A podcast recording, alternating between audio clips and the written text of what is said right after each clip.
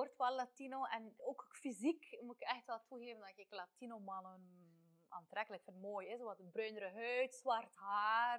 Ik vind dat ook sowieso aantrekkelijker.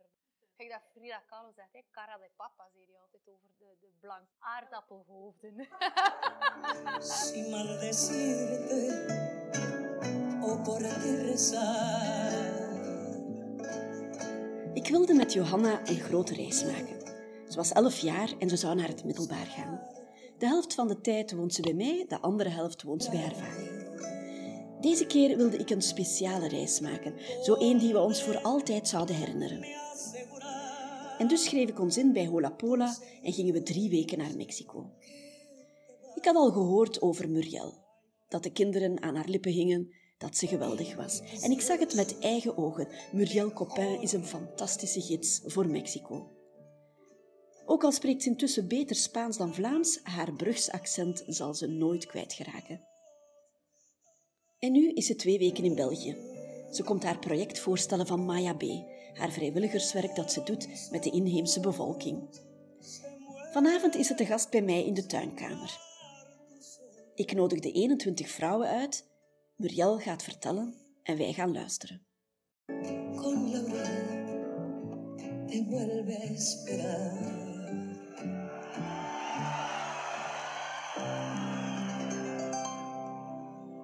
a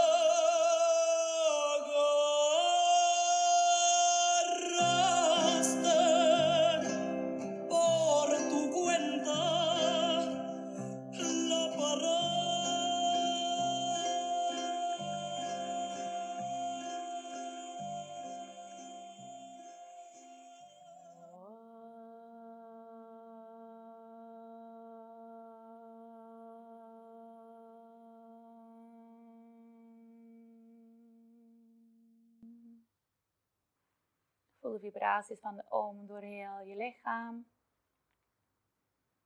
En open heel zachtjes je ogen.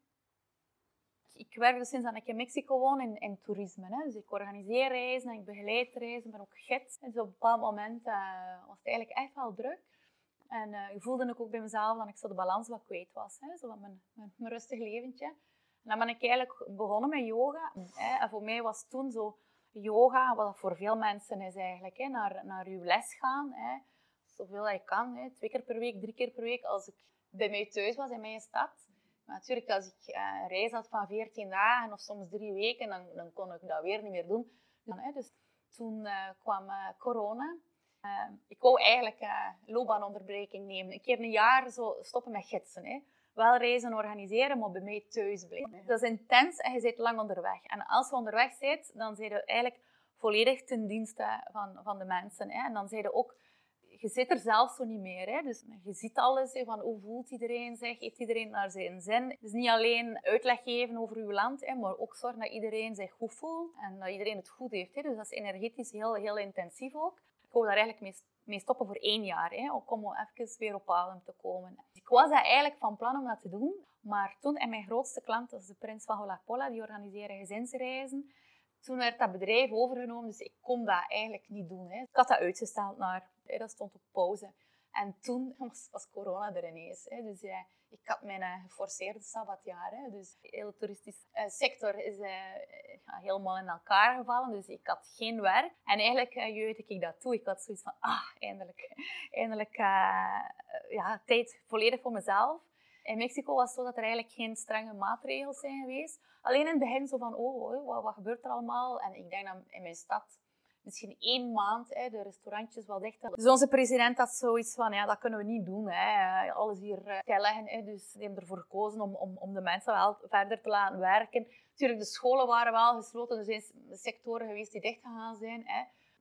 Er zijn veel mensen zonder werk gevallen ook. Maar dan was er wel die mogelijkheid hè, van andere dingen te doen. Hè. Bijvoorbeeld te koken. Er werden marktjes georganiseerd. Hè. Bijvoorbeeld heel veel collega's van mij van in toerisme die zijn dan bijvoorbeeld een collegaatje wafels zitten bakken of, of, of eender. En er werden spontaan marktjes georganiseerd in de buurten en, en daar werden dan dingen verkocht en zo. Toen heb ik dus eigenlijk uh, een yogaopleiding gedaan. Dat was heel, heel mooi, heel interessant. Ik heb zoveel geleerd. dus dat was na één jaar, hè, dan was er nog corona. dus dat was zo, oh nee, nog een jaar. Hè. Dus uh, dan, dat werd dat wel wat spannend, want ik had zo dat niet voorzien. Hè. Ik had echt heel dat jaar, ja, dat kost ook wat, hè, zo die, uh, die opleiding. En dan, er kwam geen geld binnen, maar ik had heel veel geld opgedaan. En dan was dat tweede jaar van, oké, nog een jaar. Hè. Ik ben eigenlijk twee jaar heel veel bezig geweest met yoga. En dan nu komt de toeristische sector weer zo op gang. En dan is het van, oh, uh, ik ben zo wel bang om, om terug helemaal naar, dat, naar, die drukte te gaan of dat leven te hebben dat ik eigenlijk zo een klein beetje wil veranderen. Plus, ik wil ook alles wat ik geleerd heb in die twee jaar, uh, die yoga, ik wil ook een plaats geven in, in mijn uh, nieuwe leven. Zo, hè. Dus ik wil dat ook niet zomaar loslaten. Een gids die yoga-lerares werd. Terwijl ze dat in wezen al veel langer was eigenlijk. Want haar levensfilosofie was al langer die van een yogi. Wijs en geduldig is, zonder oordeel. Leven en laten leven is haar motto. Respect voor natuur en cultuur. Dat is Muriel.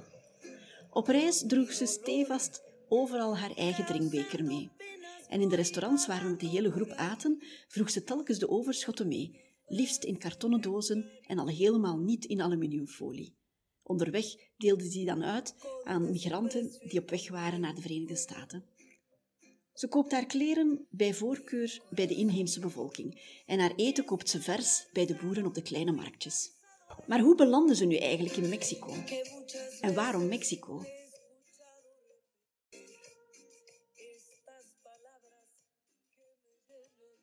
Dus ik ben eigenlijk naar Mexico gegaan met een, met een backpack. Hè. Dus ik ging een, een jaar vrijwilligerswerk doen.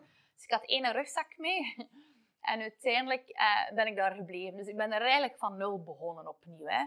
Maar ja, ik was toen wel heel veel jonger. Ik was toen 30, 31. Ja, ik zat er ook helemaal niet mee in. Zo, hè. Dus ik heb dat dan eigenlijk allemaal opgebouwd. En op een duur hè, heb je inderdaad zo wat, een eh, financiële zekerheid opgebouwd. En ik kon me eigenlijk veel uh, permitteren. Zo, hè. Want al, ik verdiende eigenlijk wel goed op de laatste jaren naar Mexicaanse normen. Maar dan inderdaad is dat eerste jaar zo van, oh, hè, dat niemand had dat gedacht dat dat zo lang ging duren. Dus, uh, en dan heb ik inderdaad dat zo wel wat een paniekaanval gehad. Zo van, ik heb twee verzekeringen. Ik heb een autoverzekering en ik heb een verzekering voor mijn huis. Ik denk dat ik eigenlijk al voordat ik naar Mexico ging, eigenlijk al wat Mexicaans was. Hè? Zo van, uh, regelt niet te veel. En ook zo dat idee van, voor mij, hè, zo alle vaste waren, ik werd daar bang van. Hè? Zo van, hey, ook trouwen, huis. Ah, ik, kreeg, ik kreeg daar eigenlijk zo uh, de kriebels van. Hè? Dus zo van, hoe, hoe, minder echte vaste zekerheden, hoe, hoe, vrijer ik me voelde. Dus ik had dat eigenlijk al wat ervoor. Toen ik de eerste keer in Mexico kwam, dat was in 97, dat was een ongelooflijke klik. En, en zo die, die energie en de mensen enzovoort. En ik ben toen nog naar, allez, naar heel veel andere landen gereisd. Dat was mijn eerste land, hè, buiten Europa. En ben ik dan daarna naar Peru, naar andere landen en zo geweest, maar ik had nooit meer die klik. En dan nu, daar, door daar zo lang te wonen, ben ik eigenlijk steeds meer vermexicaniseerd. Ik heb een dubbele nationaliteit en uh, ik heb steeds meer van die Mexicaanse mentaliteit, hè, van mañana mañana en, en zo van, het komt altijd wel goed, dat vertrouwen, zo van, het komt altijd wel goed. En ook zo die uitdrukking, van todo es por algo, alles gebeurt omwille van iets dat er komt, dat je nu nog niet weet, maar alles is voor iets. Hè. En dat is, heel, heel dat is eigenlijk heel fijn van te horen. Zo, hè. Je hoort dat heel veel. En als je daar lang woont, plus dan ik dat sowieso een klein beetje hebben had, zo, dan is dat inderdaad nu... Ik heb dus geen verzekering, ja. Dat was een busje hè, dat jij vastgelegd had. Ja, wij aten dan altijd in, op verschillende locaties. En jij zat dan van voor en wij zaten van achter. En dan hoorde ik jou bellen. Kunnen we reserveren voor 17 personen? Hoorde ik haar vragen en dan... Ah, nee. Oei, ah, jullie zijn gesloten. En dan dacht ik, oh, we zitten hier met een bus. Ik werd zenuwachtig in uw plaats dan, hè omdat ik dacht van, die moet dat hier nog bel die naar een restaurant. Dat dat volzet is en je zit daar met een groep dat je moet eten geven. En jij zo kalm en dan het volgende... Ah, nee, niets van stress. We hebben altijd iets gezellig gevonden. De meest belangrijke dingen heb ik wel het hotels en, en de activiteiten en het busje enzovoort. Maar zo, hè, die afstanden, hè, dat heb ik allemaal onder controle. Maar zo inderdaad, zo van zo wat extra dingetjes of waar we gaan eten. Dat zo van, ik voel graag zo wat er leeft in de groep en dan, en dan zie ik zo op het moment en dat is ook zo van, als ik aan het reizen ben, dat is echt zo dag per dag. Dus zo van, uh, soms vragen ze me dan iets van, ja, en, en hoe laat gaan we dan die dag? Of, of weet je, zo van... Wij vroegen al s'avonds, we gingen slapen.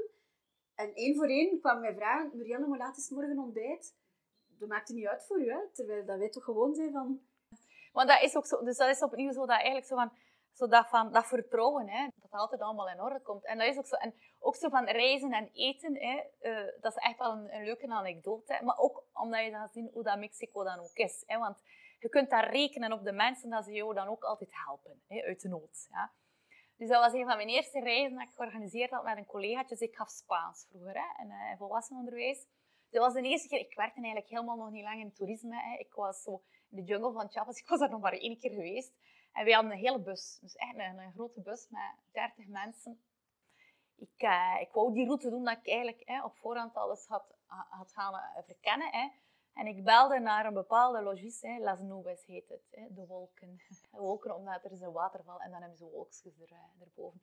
Ik belde en ik zeg, ja, en kunnen we daar raken met een grote bus? Ja, ja, er zijn hier al nog bussen geweest. Ik zei, ja, zeker, hè, want ik, ik herinner me zo dat dat een klein baantje was. Ja, ja, ja, ja, ja. Oké, dus ik zette op dat programma. Dus wij reden daar naartoe en dat was gewoon niet te doen. Hè. En zo kleine straatjes, maar dan moeten we een dorp door en dan waren elektriciteitsdraden die dan buiten hingen. Dus iedere keer als we aan een kruispunt kwamen waar er draden waren, moesten we dus uh, hulp vragen van de lokaal. Maar iedereen kwam kijken, nee, we gewoon een bus. Hè. We moesten dus eigenlijk tafels buiten zetten en dan die lokale bevolking op die tafel met een bezemsteel die draden naar boven, dus twee tafels, die draden naar boven en dan kon onze bus verder. Hè. Dus dan zaten we daar met 30 studenten Spaans, hè, ah, die Spaans studeren.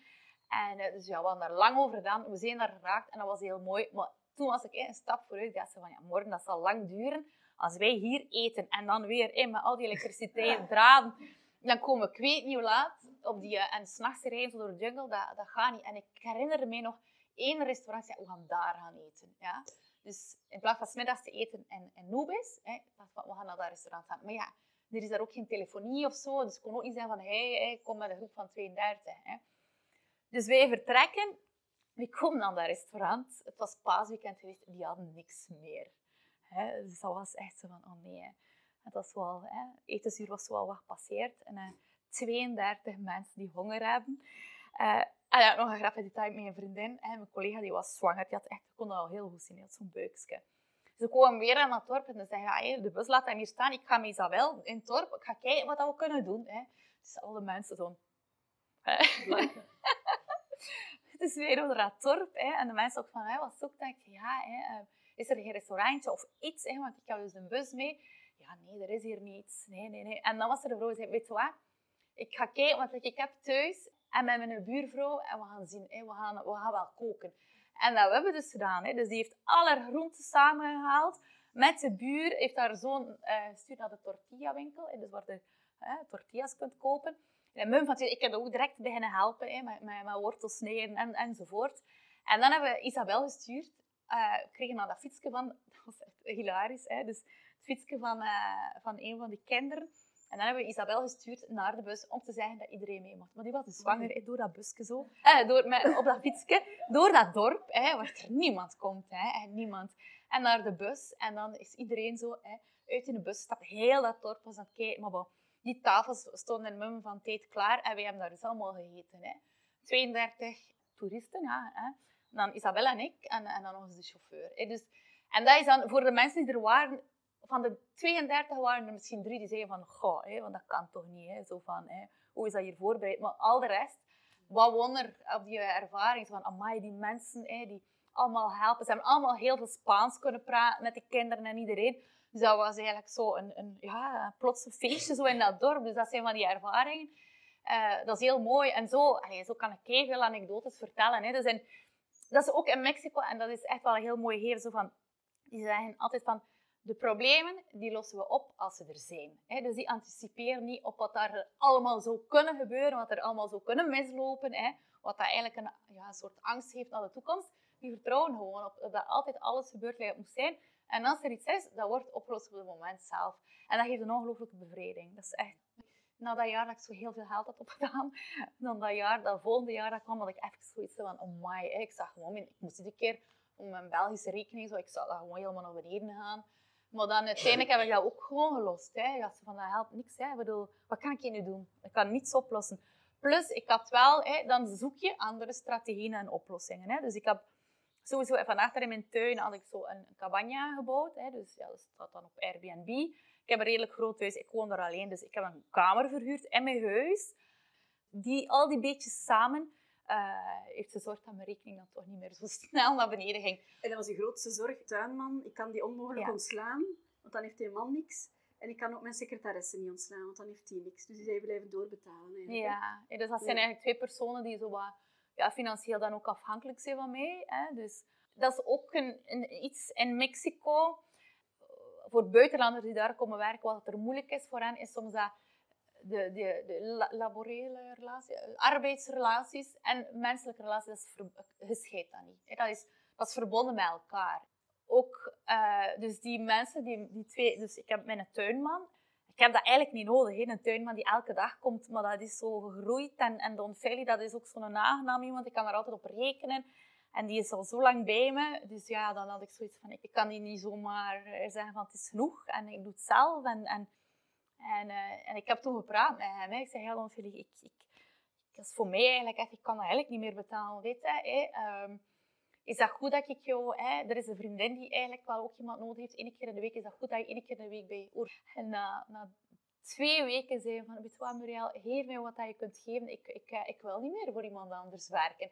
De bouw heeft hij heel lang gewerkt. En zoals, die heeft alleen maar lagere school gedaan, dus die werkt al van zijn 12 jaar en die is nu 55. Ja, zijn lichaam kan niet meer hard werken. Die, die werkt ook graag bij mij. Daardoor, hè, dus die zei van, betaal me wat je kan betalen, maar die wou dus niet weg. Hè.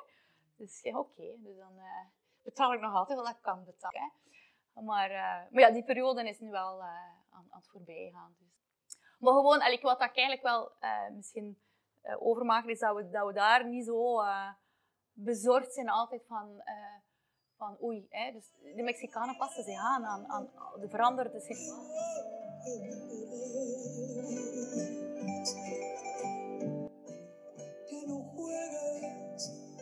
Con mi honra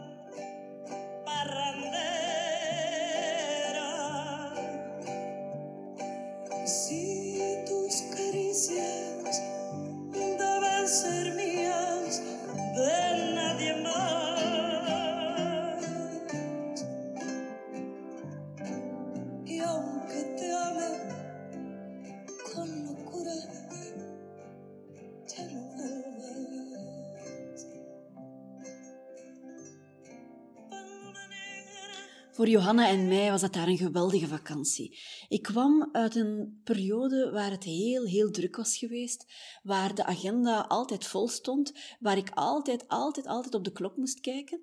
En daar was precies geen uurwerk. Alles was heel chill.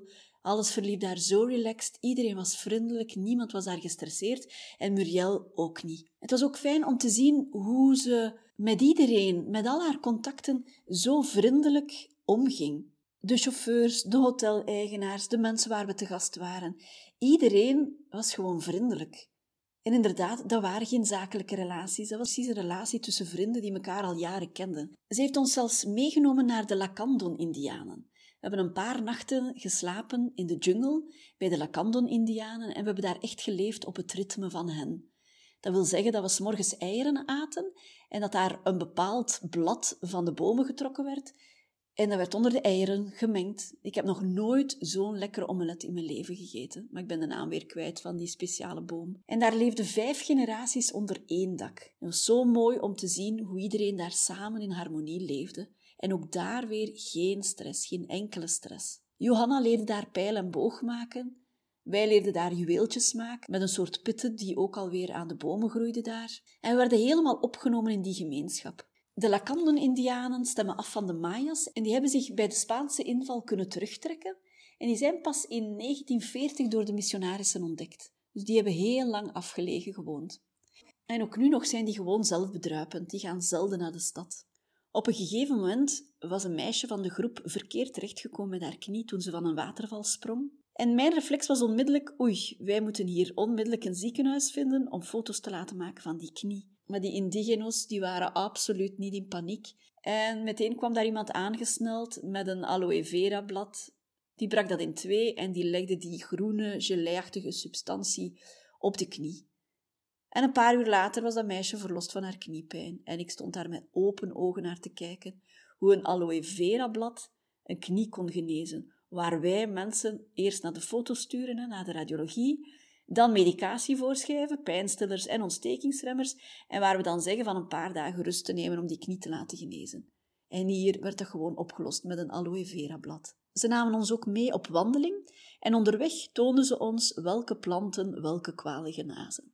Er was een boom wiens bladeren specifiek werden gebruikt bij keelpijn.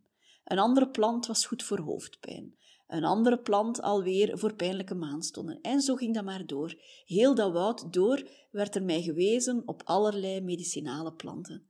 En ik als westerse huisarts stond versteld van al die kennis over medicinale planten die die Maya-Indianen al eeuwen hadden verzameld. Er was een tijd geweest dat Muriel daar voor een langere tijd had gewoond bij die gemeenschap. En we werden daar dan ook zo hartelijk ontvangen. Je zag dat zij echt een vriendin geworden was van die mensen. En wij werden daar ook met open armen ontvangen. Heel primitief, maar heel, heel gastvrij. Johanna en ik praten nog altijd over die lekkere soep die we daar gegeten hebben en die lekkere omeletten. We praten nog altijd over die jungletocht. We praten nog altijd over die waterval. Als je kan, doe het. Maak een grote reis met je kinderen. Maak een reis naar een andere cultuur. Je hebt zoveel om aan terug te denken. Je hebt zoveel om samen over te praten. Dat is zo kostbaar, die herinneringen samen. En als je meerdere kinderen hebt, probeer een reis te maken met elk kind afzonderlijk. Die band tussen jullie wordt zo intens, doordat jullie op elkaar aangewezen zijn, doordat jullie zoveel avonturen samen beleven. Zonder afleiding, zonder schermen, zonder tv, zonder inmenging van wie dan ook. Na tien jaar in Mexico en toerisme te werken, dus het is zo dat dus ik werk vooral met gezinnen. Hè. Dus die kwamen dan altijd en dan nemen die gezinnen mee naar overal. Dus dan kennen ze een heel deel van Mexico, sites, bij mensen thuis geweest enzovoort. Heel veel, die, die gemeenschappen waar we gaan bij de kindjes, die hebben de middelen niet en die, die, die kennen eigenlijk veel minder van hun directe omgeving dan die Belgische kinderen. Dus ik had daar zo van, dat is eigenlijk echt wel absurd. Die kennen hun eigen patrimonium niet. En dan had ik zo ook zo van, als je je eigen patrimonium niet kent, hoe kan je dat dan ook naar eigenwaarde, dat waarderen en dat zorgen dat dat in, in, in zo bewaard blijft eigenlijk. Hè? Zowel natuur als, als cultuur enzovoort. En dan ook zo uit dankbaarheid, dan heb ik eigenlijk naar de Camino van Santiago gedaan. Ik, ik ben hier nu tien jaar en ik ga die Camino doen. Ik had toen ook, ze konden me sponsoren en dan ik iets, de Camino van Compostela. Ja. Dan konden ze familie en vrienden sponsoren en dan dachten van, ik ga iets terug doen. Ik heb zoveel ontvangen. En de mensen die bij mij mee geweest zijn, ook, die hebben zoveel geleerd, zoveel ontvangen. Ik wil iets teruggeven. Dus dat was eigenlijk voor dat ene jaar. En dus dan heb ik met de kinderen in elk dorp, dus dat waren vier dorpen. En dan ben ik met, met elk dorp, met die kinderen, heb ik een activiteit. Met één zijn we zelfs gaan snorkelen aan de zee, die waren nooit naar de zee geweest. Ander naar archeologische sites. En dan, ja, dat was zo mooi. En dan heb ik dat wel ja, verder doen. Maar natuurlijk is dat wel ieder jaar, een, vraagt dat heel veel aan mij. En dat heet dus Maya B. B wil zeggen hè, de weg. Hè. En ja, Maya, dat is het Maya-gebied vooral waar ik ben. En dus daarvan de naam. Nu, de, met corona hebben we vooral gewerkt met het dorpje van mijn metekindje. Dus we hebben eigenlijk een heel jaar uh, gewerkt rond ecologie. Zowel bij hen, in drie woorden, is het dus activiteiten die we doen met de lokale jeugd.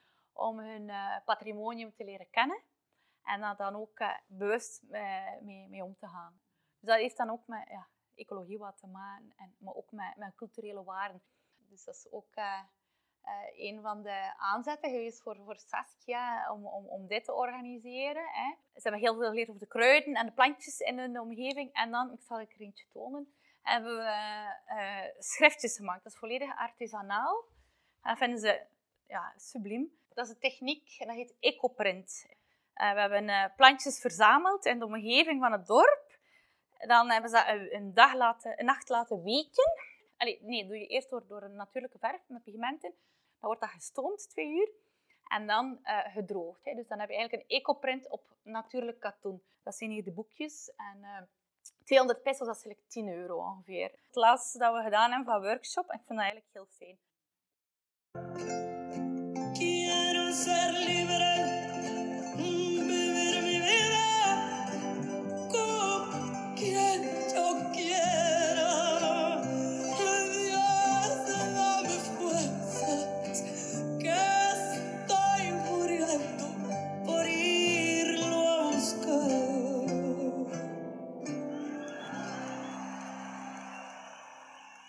Als Muriel praat over Mexico, dan geraakt ze nooit uitgepraat.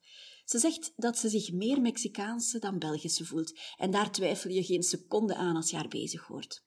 Daar ter plaatse neemt ze jou mee naar de kleine dorpjes waar ze mee samenwerkt. En dan kan je samen met de vrouwen gaan weven, of dan kan je samen met hen gaan tortillas maken volgens eeuwenoude recepten. De mensen houden van haar en zij houdt van de mensen, dat is duidelijk. Het is heel fijn om als toerist mee te maken hoe dicht ze bij de bevolking staat. Je komt op plaatsen waar je anders nooit komt, omdat zij de weg kent en omdat zij daar zoveel mensen kent en ze hun vertrouwen krijgt om ons toe te laten. Geen platte commercie, geen rare deals, maar recht vanuit haar hart. De reis die ik met Johanna maakte was dan ook de Corazon-reis. Een reis naar plekjes die Muriels hart gestolen hebben. Eén voor één idyllische plekjes, waardoor Mexico voor altijd in mijn hart en ook in dat van Johanna zal zitten. Als je de kans hebt, ga er naartoe. Wat is nu het beste seizoen om te gaan? En is het daar gevaarlijk? Wij zelf hebben er nooit iets van onveilig gevoel gehad. Niet in Mexico City, niet in de dorpjes, niet in de steden. Nergens voelde het onveilig aan. Het is een beetje afhankelijk van, van de plaats. Maar ik persoonlijk denk dat dat niet alleen een gegeven is van Mexico alleen. Als we het nu net hadden over onze kindertijd. Ik vind dat de wereld wel een beetje overal wat een gevaarlijker uh, wereld is geworden. Heel veel sociale problemen. Dat mensen zo wat de weg kwijt. Zo. Maar dus uh, over Mexico zelf is het wel afhankelijk van regio tot regio. En er zijn wel regio's die uh, de laatste jaren toegenomen zijn van, van geweld. En dat is vooral gelinkt met de, met de narco, hè, met, met de drugswereld. Yucatan was, was altijd veilig en nu nog altijd, dus dat is Schiereiland. Maar je hebt dan de kust. Hè, dus wat, wat, wat heb je? Cancun, dat is zo mekka geworden van feesten, uh, alcohol, drugs ook. Er, steeds, er, wordt steeds meer drugs genomen ook. Hè, dus van, dat zijn de toeristen die komen. Dus dan komen die, die daar dan ook bij. Hè. Dan heb je de, de plaza's. Dat is een beetje een kanker zo. Hè. Dus dat is zo van in regio's waar dat er veel discotheken zijn en een bepaalde manier van uitgaan.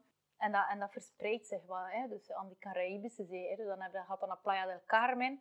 Uh, zelfs Tulum, dat was ongelooflijk mooi vroeger. Hè. Dus wij gingen daar ook altijd naartoe. Dat was, ah, was ongelooflijk. En dat was zo hippie en, enzovoort. Dat is dan ook contact geweest door, door hipsters hè, van New York. En dan doen ze daar nu ook uh, allerlei concerten. En dan ook wel zo arty, hè, dus ook wel met, met kunst en zo. En heel veel yoga en van alles. Maar dan ook zo van die, van die ja. En dan is er daar consumptie van drugs bij. En dan, ja, dan komen die... Uh, uh, komen ze daar verkopen en dan gaat dat zo in, in verderf. Hè. Dus dat, dat, is ook een regio dat nu de laatste jaren, en dat is echt nog maar de laatste vijf jaar zo toegenomen. Ook zo dat geweld dan eigenlijk. Hè. Dus afrekening tussen hen en.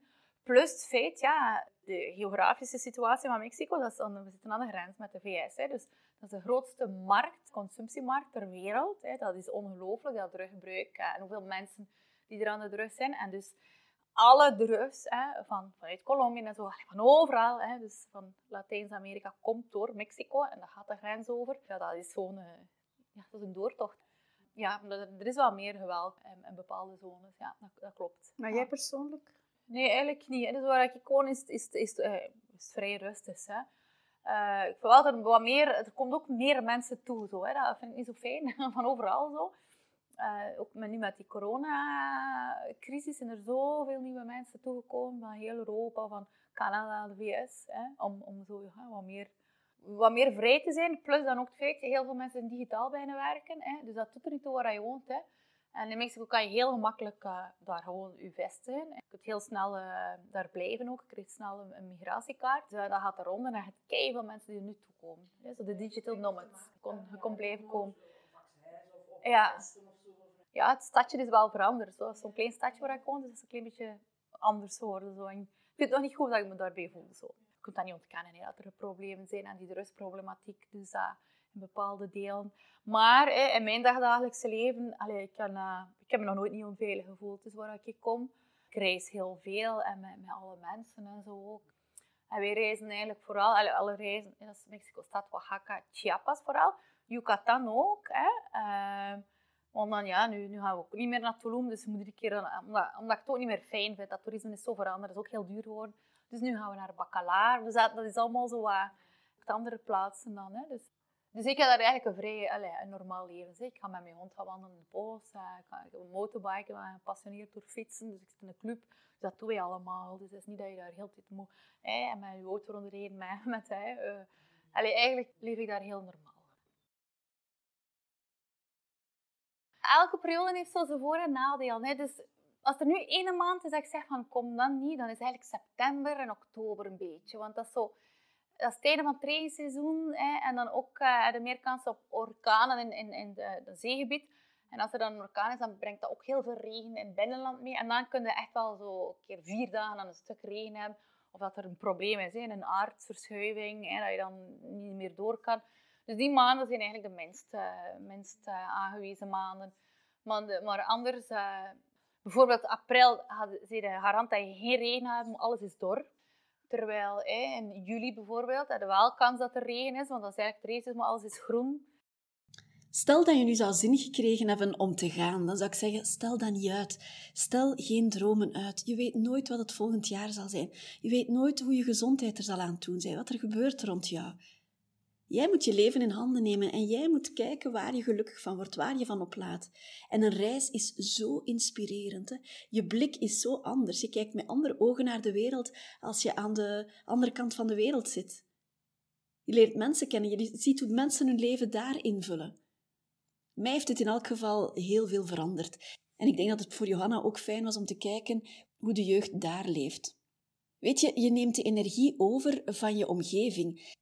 En als je dan in een land bent waar alles chill is, waar iedereen in het moment leeft en waar jij als westerse druk, druk, druk zijnde carrièrevrouw of carrièreman toekomt, ze houden jou duizend spiegels voor.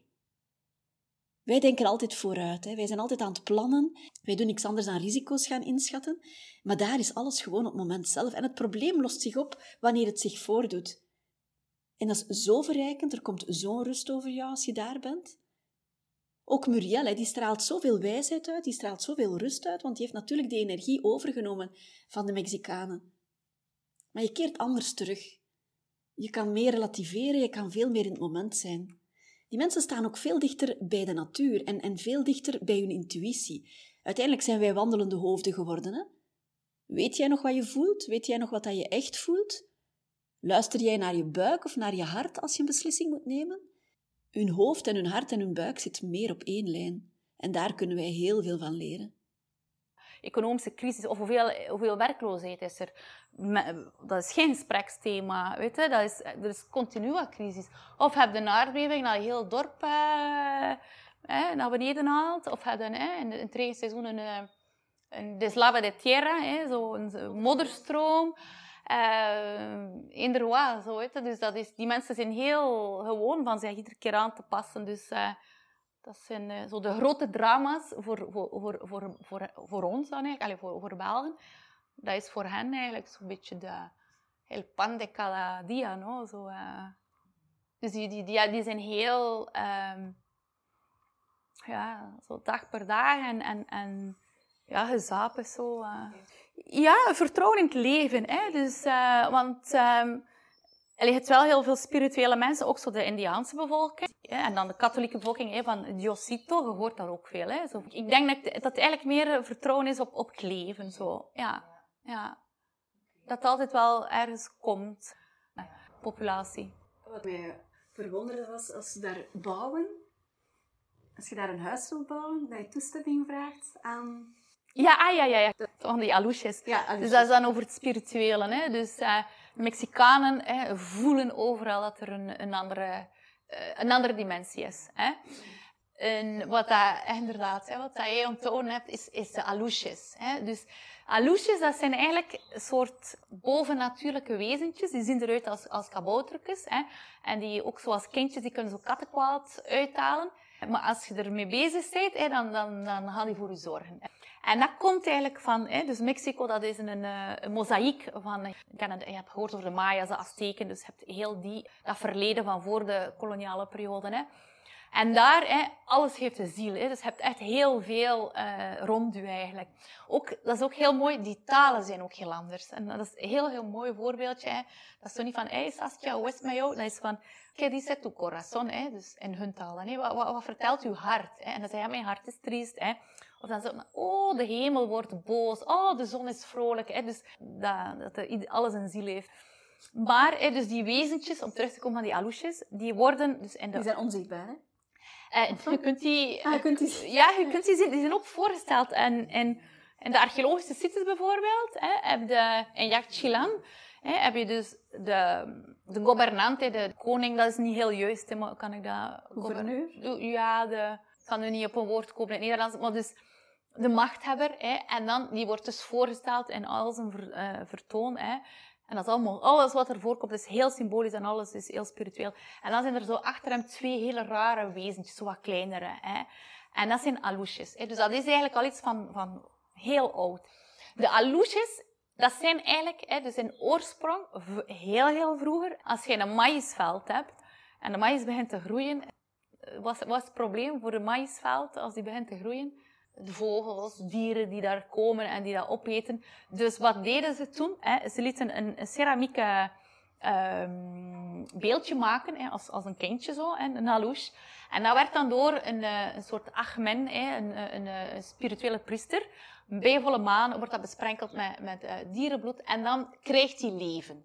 Hè? Dus dan kan je dat tot leven brengen. Trouwens, al die piramides ook. Hè. Dus iedere keer als ze een, nieuwe laag over een piramide deden, dan deden ze allerlei offers en dat leefde ook, die piramide. Die werden soms spiritueel ook gedood, om dan opnieuw een periode te geven. Hè. Dus alles is heel spiritueel.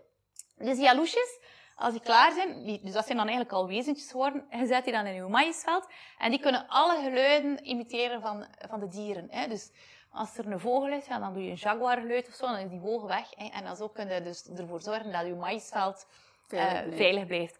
Maar je moet wel zorgen dat die content zijn. Hè. Dus je moet, hier, je moet ritueeltjes doen voor die aloesjes. Hè. Af en toe eens wat, wat iets zoet geven, wat eten, hè, zodat die content zijn en hun werk doen. Hè. Dat zijn beelden. Je ligt dan eten bij die beeldjes. Ja, ja. ja. Dus dan als die, uh, de, de, de meneer van de, van de milpa, hè, dus van het maïsveld, sterft, hè, dan gaan die aloesjes, er is niemand meer die voor hen zorgt, gaan ze naar het woud of naar de grotten.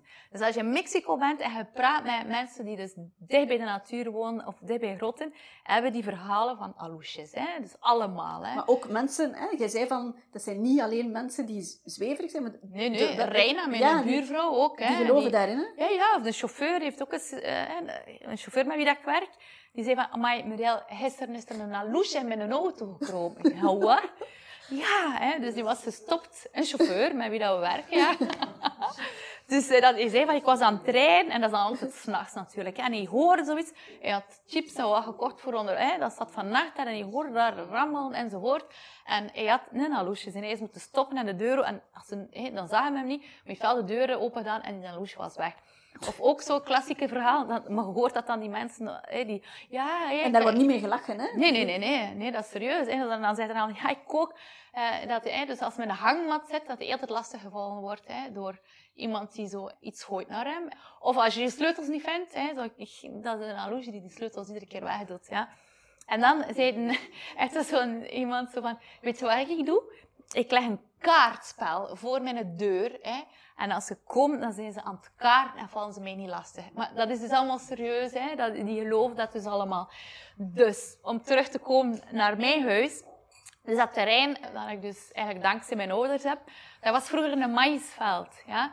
Dus Chito, dat is een, een ongelooflijke uh, vriend, broer geweest, die, die ja, naar, naar, ja, naar andere, uh, ja, in Spaans zeg je, se fue a la luz, hè?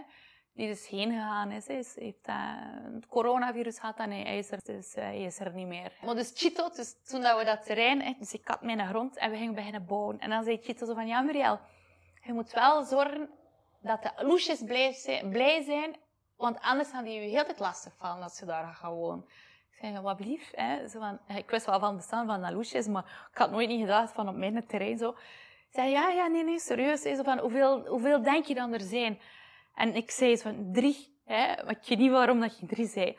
Dus dan die avond, mijn zien ook een heel, hele goede vriendin van mij. We waren altijd heel veel met ons drie samen. We hebben dus ja, een klein tafeltje buiten gezet, drie kleine stoeltjes, drie kleine bordjes, fruitsap, wat, wat nootjes, wat, wat, wat, echt zo, hè, wat bloemetjes enzovoort. En dan zijn we daarbij geweest. Hè, en dan heb ik echt, heeft gezegd van, ja, praat met hen, zeg dat je hier komt wonen en dat je ze niet gaat lastigvallen. En, en, en dat je af en toe hè, en gaat eren en, en iets gaat geven enzovoort. Geef ze een plaats en bla bla bla. Dus dan zijn we daar geweest. Hè, dus bij die aloesjes, ja, een uur of zo dan. Allee, hebben dat, ja, heb ik dan, ja, dat allemaal Ja, dan serieus. En, En we hebben dan zelfs zo wat rond dat tafeltje gedanst. Maar die doet dat dan ook altijd met, met dat zo heel spontane manier. Dus we hebben dan eigenlijk ook...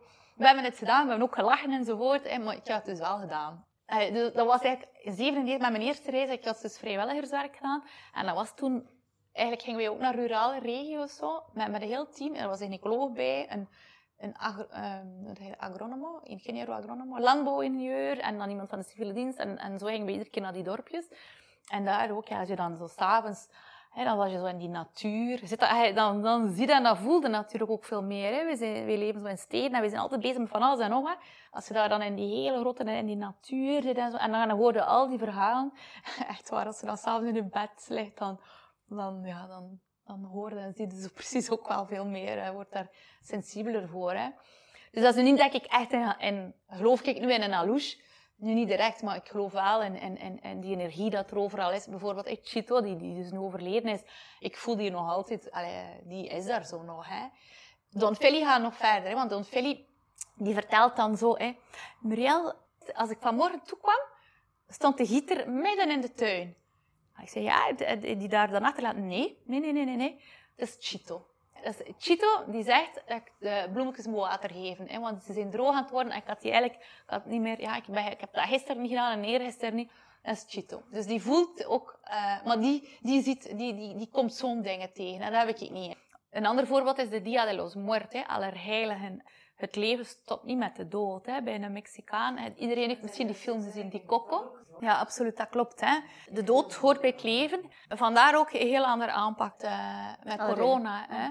En ook van de mensen, hè. niet alleen de overheid, maar ook van de mensen. Er was veel minder mensen waren er bang. Als er mensen stierven, hebben ze wel eh, hun doden eh, begraven, want anders kan die ziel niet in rust zijn enzovoort. Hè.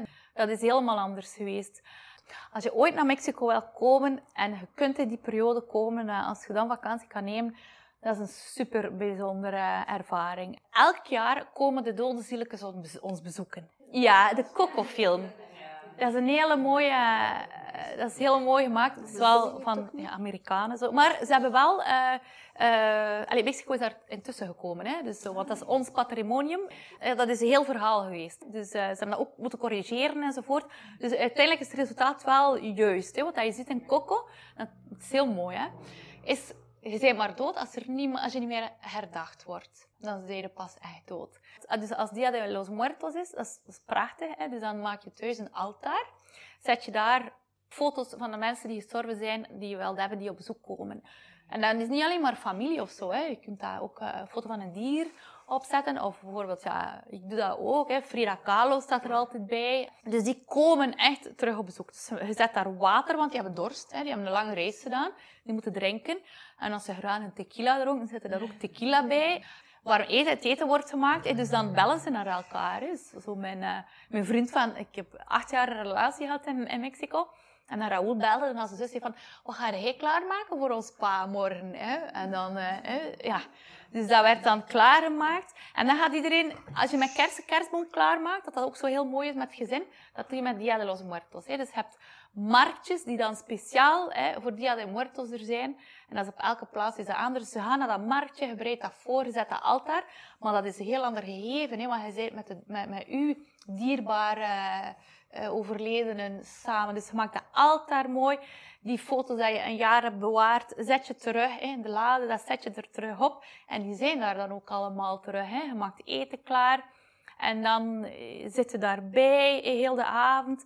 Ook op het kerkhof. Het kerkhof wordt helemaal mooi gemaakt. En per regio van Mexico is dat, wordt dat op een andere manier gedaan. Dus dan eh, ga je ook naar het kerkhof. Hè. Eh, er worden klokken geluid. Hè, van, ja, kom maar allemaal af. Het feest zal beginnen. En als het gedaan is, van opnieuw de klokken van, gaan jullie maar terug rusten hè, waar jullie zijn. Dus dat is een heel mooi gegeven. En normaal is dat eigenlijk een periode dat ik niet wil werken, hè, want dan kan ik ook niet bij mijn, bij mijn dierbare overledenen zijn. Dat is heel mooi. En ik, ik zit daar dan ook voor en ik mag dan kaarsjes en dan ben ik erbij. Kom op bezoek gepraat, wie dat wie is. Maar ben ene keer heb, heb ik wel met Allerheiligen gewerkt en waren we in Oaxaca. En uh, zijn we naar de graven geweest. Hè? En dat is voor, voor, voor de Belgen wel heel raar, hè? want een begraafplaats, dat is zo wat, meestal wat akelig. Of door de films, hè? riddelfilms enzovoort. Hè? Dus uh, dat vond ze allemaal zo heel raar. Van zo. En dan was er iemand die Nico kende. En zei, hé hey, Nico, kom, kom, kom. En dat was zijn vader, was twee jaar geleden uh, overleden. Dus ze waren bij die vader. Wie is Nico? Nico, de chauffeur, was dat Ah, ja. Nico? Ja. Dus we kregen allemaal een pintje, maar dat is niet... Dus je gaat niet direct santé, maar dat is eerst santé voor de doden. Hè. Dus dat is santé en je giet bier uh, naar het graf. Dat is voor, de, voor die overledenen. Hè. En dan, hè, dan blijf je daarbij en eten en drinken enzovoort. En uh, ook zo van uh, nuchtere vragen van nuchtere Belgen. Is aan, stellen ze aan de Mexicaans van, ja, maar dat eten, dat kunnen ze toch niet eten? Hè? Zo van, als er dierlijk zijn. Zeg die Mexicaan, ja, natuurlijk niet, hè, maar... Hè, die nemen dat, hè, dus het aroma. Hè, dus, uh, in Pomouche, daar halen ze zelfs nog een stap verder. Dus daar halen ze de, de beenderen uit het graf en kleuren ze die en zetten die op het uh, altaar. En daarna terug in, in de kist. Ja. Ja. Maar dus, die zijn ook niet bang, nu dat we het over het thema hebben van de dood, die zijn ook niet bang om een lijk te zien. Hè? Dus dat wil niet zeggen dat ze niet verdrietig zijn als er iemand doodgaat, natuurlijk. En dat ook, dat is ook heel fijn. Tijdens de begrafenis, alles los. Hè? Dus de vrouwen roepen, huilen, heel hard. De mannen ook, omarmen elkaar. Dat is echt, uh, dat is indrukwekkend.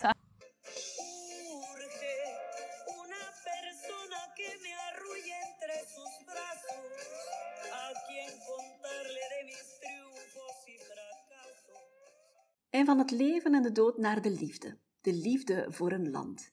Ik weet niet hoe het met jou zit, maar ik denk niet dat ik Vlaanderen of België zo graag zie als dat Muriel Mexico graag ziet.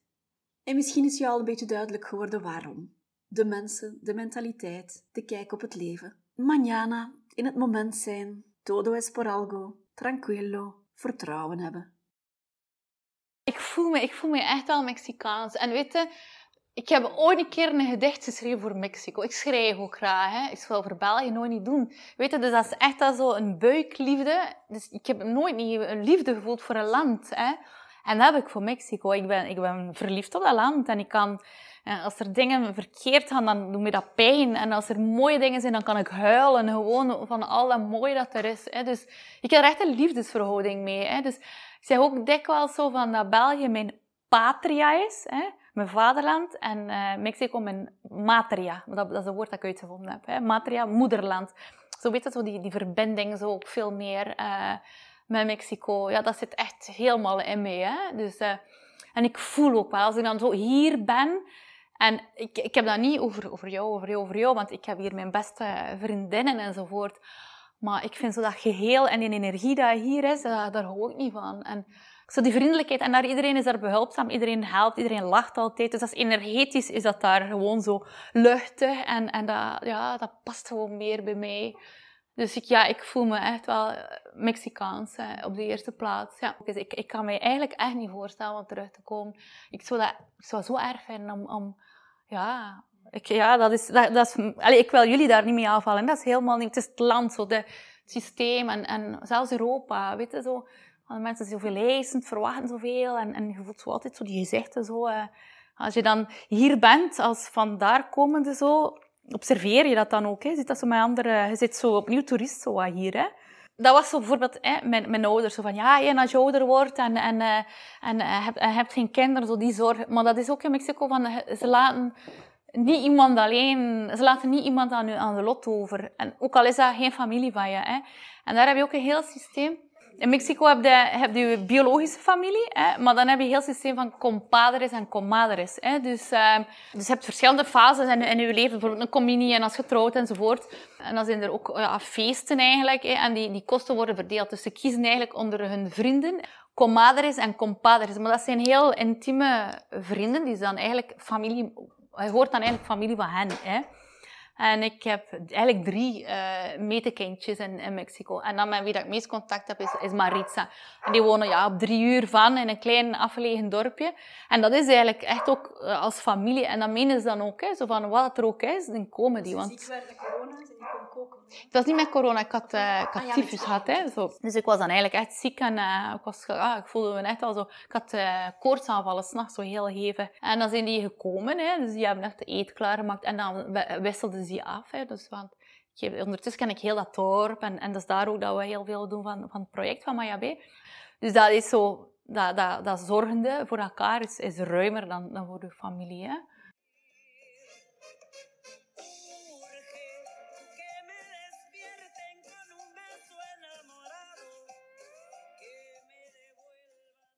Ik geloof ook dat alles met een reden gebeurt, dat niks toeval is. En hoe langer hoe meer durf ik ja zeggen. Ja zeggen op alles en nog wat. Want vanuit die ja gebeuren er mooie dingen. En vanuit die ja gebeuren er alsmaar meer ontmoetingen, verrijkende ontmoetingen. Ik kan wel zeggen dat die Mexico-reis met Johanna, dat dat heel wat veranderd heeft in mijn leven. Eerst en vooral heb ik de beslissing genomen om zonder haar vader op reis te gaan. Na de scheiding gingen wij nog elk jaar met ons drietjes op vakantie, ook al waren we gescheiden. Maar dat jaar wou ik eens iets met haar alleen doen, om onze moeder-dochterband nog sterker te maken. Ook al was dat best spannend, met haar zo ver wegtrekken. En ik ben nogal vergeetachtig en ik ben nogal slordig, dus ik moest nu zelf voor haar de volle verantwoordelijkheid dragen. Ik kon niet leunen op haar vader deze keer. Maar wat een mooi avontuur was me dat. En ik heb daar enkele puzzelstukjes gevonden die meer duidelijkheid brachten in mijn leven. Als je ver weg bent en er is tijd, veel tijd om na te denken, dan wordt alles veel duidelijker. En dan voel je wat je wil voelen. En dan hoor je wat je wil horen, wat er al klaar zit. En bij mij was dat dat mijn leven moest veranderen, dat mijn leven minder druk moest, dat ik meer mijn gevoel moest volgen. Er is zo'n spreekwoord, het troebele water wordt vanzelf helder als je het met rust laat. Wel, dat was bij mij ook zo. Hè. Ginder ver weg kon ik alles laten bezinken. Hè. Hoe was ik bezig? Wat voor een red race? Hoe gejaagd was ik bezig? Had ik nog tijd voor leuke dingen te doen? Hè? Werd mijn hoofd in beslag genomen door altijd maar mijn werk, mijn werk, mijn werk? En was het weekend dan net genoeg om te bekomen van de drukte en net genoeg om er dan weer maandag tegenaan te kunnen? Dat was de bedoeling niet. Er moest iets anders zijn in mijn leven.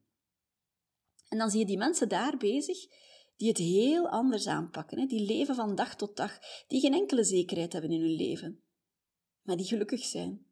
Muriel is voor mij een hele grote inspiratiebron geweest. Ik heb met haar en met Heidi heel veel overlegd over de nieuwe weg die ik in mijn leven zou inslaan. En het werd mij alsmaar duidelijker dat ik moest stoppen met huisartsgeneeskunde. Dat het veel te druk was, dat het niet meer bij mij paste, dat ik liever ging voor die holistische aanpak. En niet zozeer om om nog langer medicatie voor te schrijven voor dingen die anders moesten aangepakt worden, die bij de wortel moesten aangepakt worden. Dingen uit het verleden, dingen in de opvoeding, aannames, vooroordelen, gebrek aan zelfvertrouwen, die dingen allemaal, die maken de patiënten ziek. Die, die zorgen voor een ongelukkig gevoel, die zorgen voor stress. Mexico heeft mij zoveel gebracht, heeft mij zoveel geleerd. Volgende week vliegt Muriel terug en eigenlijk maak ik stiekem al plannen om terug te keren naar Mexico. Intussen steunen we haar projecten en volgen we haar projecten. Je kan het ook terugvinden in mijn show notes. Maya B is haar eigen project dat ze heeft met de inheemse bevolking. Muriel gidst voor Holapola, ze begeleidt reizen voor Fly and Bike, voor Formosa en ze begeleidt ook de jeugdreizen van het Zuiderhuis in Gent. Ik maakte deze podcast naar aanleiding van de vrouwenavond die ik organiseerde bij mij in de tuinkamer en waar Muriel kwam spreken over haar project. Jammer genoeg was er geen tijd meer om over haar andere passie te spreken en dat is Frida Kahlo. Die vrouw neemt een bijzondere plaats in in het leven van Muriel. Zij weet daar zowat alles van. Zij is kind aan huis in het huis van Frida Kahlo in Mexico City. Als je de kans hebt, bezoek dat daar, maar reserveer op voorhand, want anders sta je daar voor niks. Een heel bijzondere woning met het leven en werk van Frida Kahlo. Dus misschien moet ik daar eens een andere podcast uh, aan wijden. In elk geval, Muriel is een grote kenner en zij organiseert ook reizen in het spoor van Frida Kahlo. Dus mijn excuus dat ik het niet heb over Frida Kahlo, want die is zo belangrijk voor Mexico, die is zo belangrijk voor Muriel. En ja, Johanna en ik zijn ook grote fan. Zoek haar op, volg haar projecten. En als je meer wil weten en je kan het niet vinden, mail mij dan op saskia.doktergeluk.com. Deel deze aflevering als je mensen kent die interesse hebben in Mexico. Als je iets had aan deze podcast, dan zou ik willen vragen in ruil of je mijn podcast wil beoordelen. Je kan dat doen via Apple Music of via Spotify. Dan stijg ik in de ranking en dan wordt mijn podcast gemakkelijker teruggevonden. Dank je wel daarvoor. Ik laat jullie ook de gegevens achter om Muriel makkelijker terug te vinden en om haar project van Maya B te kunnen volgen. Ik ben er volgende week terug. En onthoud, stel je dromen niet uit, maar begin met een plan.